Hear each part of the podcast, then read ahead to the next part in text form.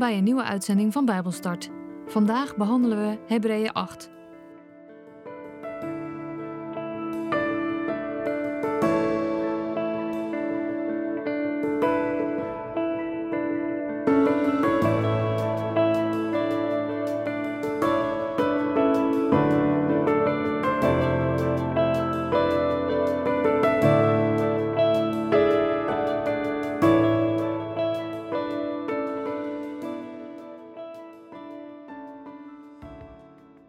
Ik lees met jullie uit de basisbijbel Hebreeën 8.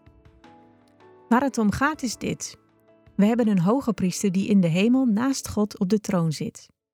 Daar dient hij God in het heiligdom, in de echte hemelse tent van het verbond. Die tent is door de Heer gebouwd en niet door mensen. De taak van elke hoge priester is om offers te brengen. Daarom moest ook deze hoge priester een offer brengen. Op aarde zou hij trouwens niet eens priester zijn. Want er zijn hier al priesters om volgens de regels van de wet van Mozes offers te brengen. Deze priesters doen dat in een heiligdom dat een afbeelding en een schaduw is van het echte hemelse heiligdom. Dat weten we doordat God tegen Mozes heeft gezegd: Let op, Mozes, dat je de hele tent van ontmoeting precies maakt zoals ik je op de berg heb laten zien. Maar Jezus kreeg een veel belangrijker taak dan de priesters omdat het verbond dat hij ging sluiten een veel beter verbond is. Dat verbond is beter omdat er betere beloften bij horen. Als het eerste verbond volmaakt was geweest, had er geen tweede verbond gesloten hoeven worden. Maar hij heeft tegen de Israëlieten gezegd: Op een dag, zegt de Heer, zal ik met het koninkrijk Israël en met het koninkrijk Juda een nieuw verbond sluiten. Het zal een ander verbond zijn dan het verbond dat ik met hun voorouders heb gesloten. Dat was toen ik hen bij de hand nam en uit Egypte bevrijdde. Maar zij hebben zich niet aan dat verbond gehouden. Daarom wilde ik niet meer voor hen zorgen. Maar het nieuwe verbond, dat ik later zal sluiten, zal anders zijn. Ik zal mijn wet niet meer in steen, maar in hun binnenste schrijven, in hun hart en in hun verstand. Ik zal hun God zijn, en zij zullen mijn volk zijn dan zullen ze elkaar niet meer hoeven te leren wie ik ben.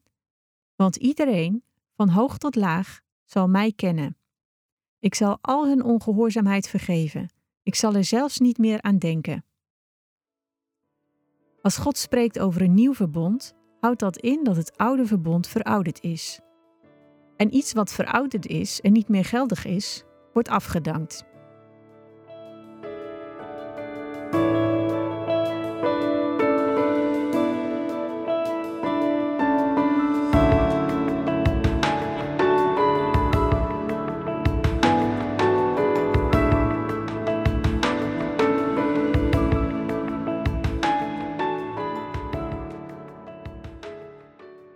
Bovenaan dit hoofdstuk staat: Jezus' offer is beter dan de offers van het oude verbond. En in de komende hoofdstukken gaan we behandelen hoe dat nieuwe verbond zich verhoudt ten opzichte van het oude verbond. De schrijver begint met de zin: Waar het om gaat is dit. En eigenlijk lijkt het erop dat hij na het schrijven van de zeven vorige hoofdstukken nu de hoofdzaak gaat vaststellen. Ik ben me ervan bewust dat dit waarschijnlijk één lange brief is geweest en dus niet opgedeeld is geweest in hoofdstukken. Um, ik ga ervan uit dat dat met de vertalingen gedaan is. Maar toch lijkt het een soort van: oké, we beginnen nu met een nieuw hoofdstuk. We gaan nu de hoofdzaak vaststellen. Het is een soort climax. Hij heeft de lezer meegenomen in de opbouw en overal staat Jezus als persoon en hoge priester centraal. En Jezus wordt hier opnieuw beschreven als hoge priester. De schrijver legt de nadruk op Jezus als persoon en vervolgens op zijn dienst. Dit is ook niet als een beschouwing vanaf een afstandje beschreven. Ja, Jezus is hoog boven ons verheven en tegelijkertijd is hij toch dichtbij. Hij hoort bij ons. Er staat wij hebben. Hij staat tot onze beschikking, tot jouw beschikking. En dat is een bemoediging voor de Hebreeuwse lezers. Want deze gelovigen werden door ongelovige Joden bespot. En daar bedoel ik dus Joden mee die niet in Jezus geloofden. Ze werden bespot omdat ze geloofden in een onzichtbare Messias. Ze houden zich vast aan beloften, terwijl niemand ze vervuld ziet worden, denkt men. En die ongelovige Joden, die wezen juist naar hun tempel, hun offers, hun priesters, hun hoge priesters, hun diensten. Hebben ze gelijk? Het lijkt erop. In ieder geval, ze deden alles wat zichtbaar was en alles wat beschreven stond.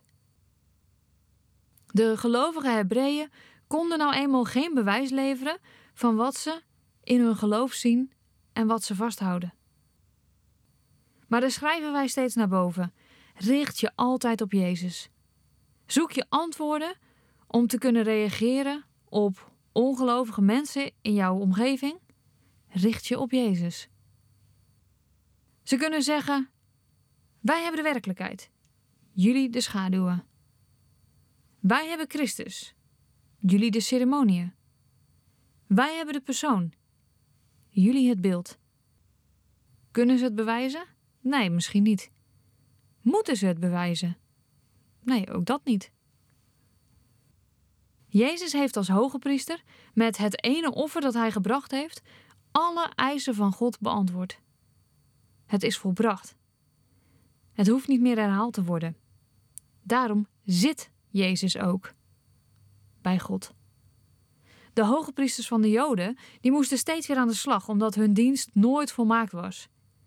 Zij konden dus nooit zitten. De hoge priester van de Joden die faalde zelf ook steeds.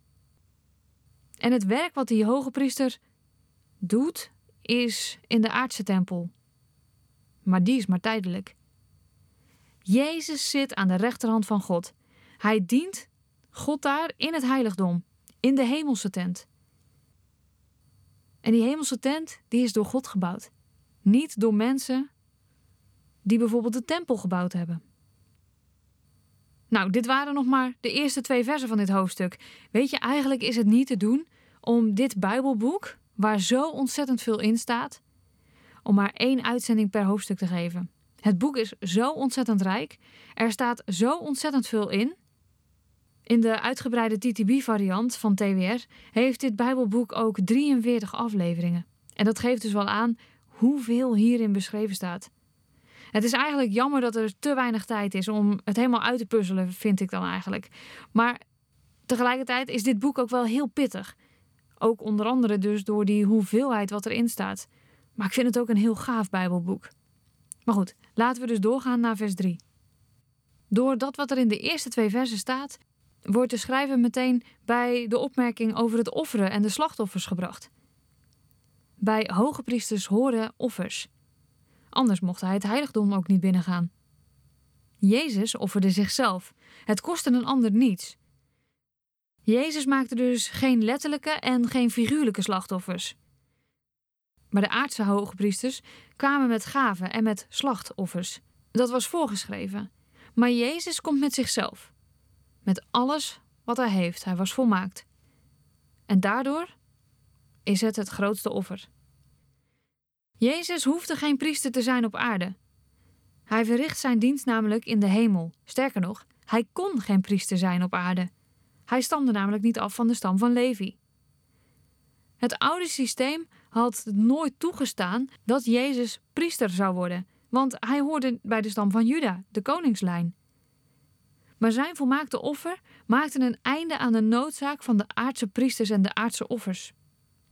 Uit deze verse kun je trouwens ook opmaken dat deze brief waarschijnlijk voor 70 na Christus geschreven is. Het staat er namelijk in de tegenwoordige tijd. De aardse priesters brengen offers volgens de Joodse wet.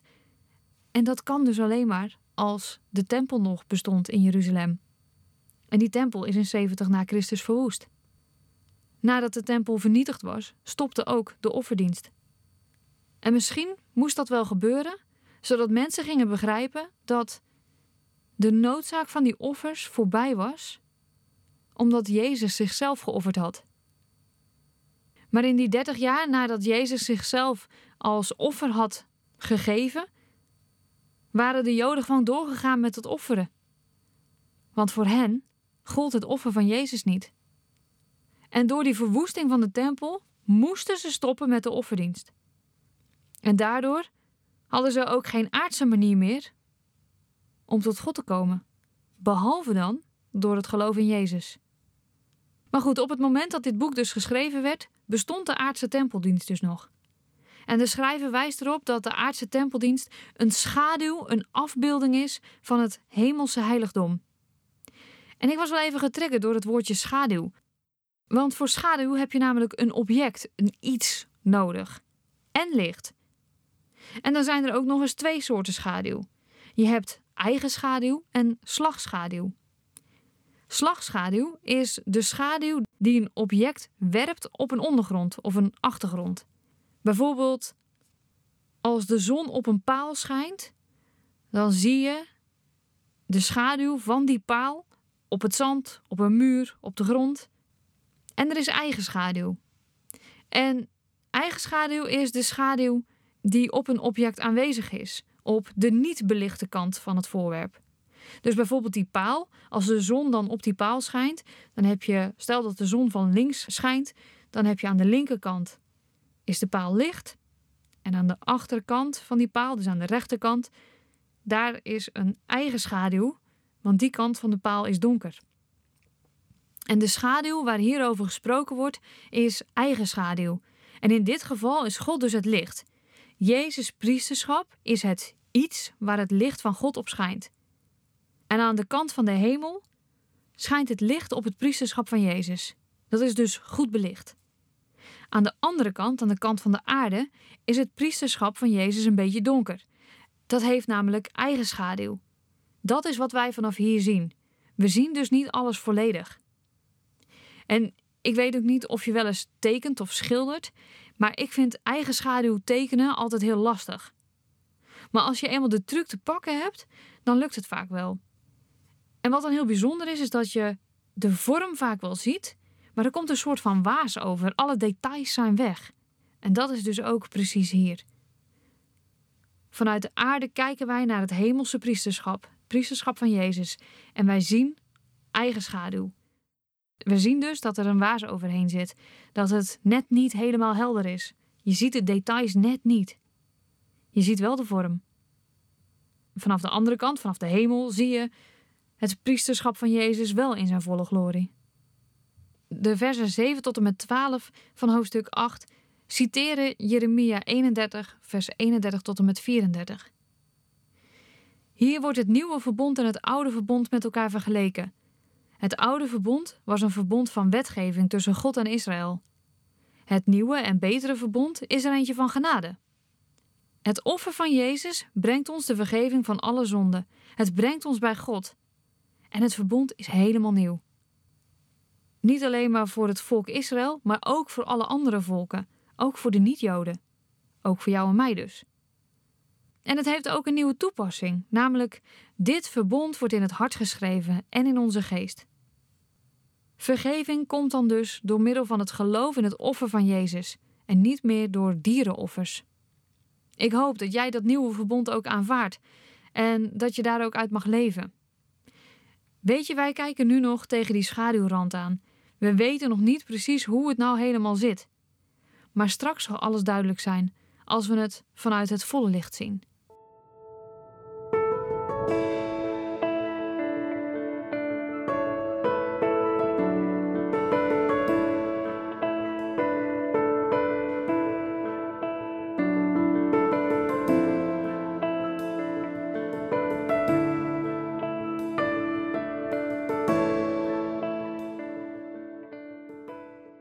Dit was Bijbelstart, een programma van TWR. Het is gebaseerd op het Amerikaanse programma Through the Bible, ook wel TTB genoemd. En deze uitzending is een samenvatting van twee afleveringen. Wil je meer weten? Ga dan naar ttb.org of ga naar twr.nl/bijbelstart.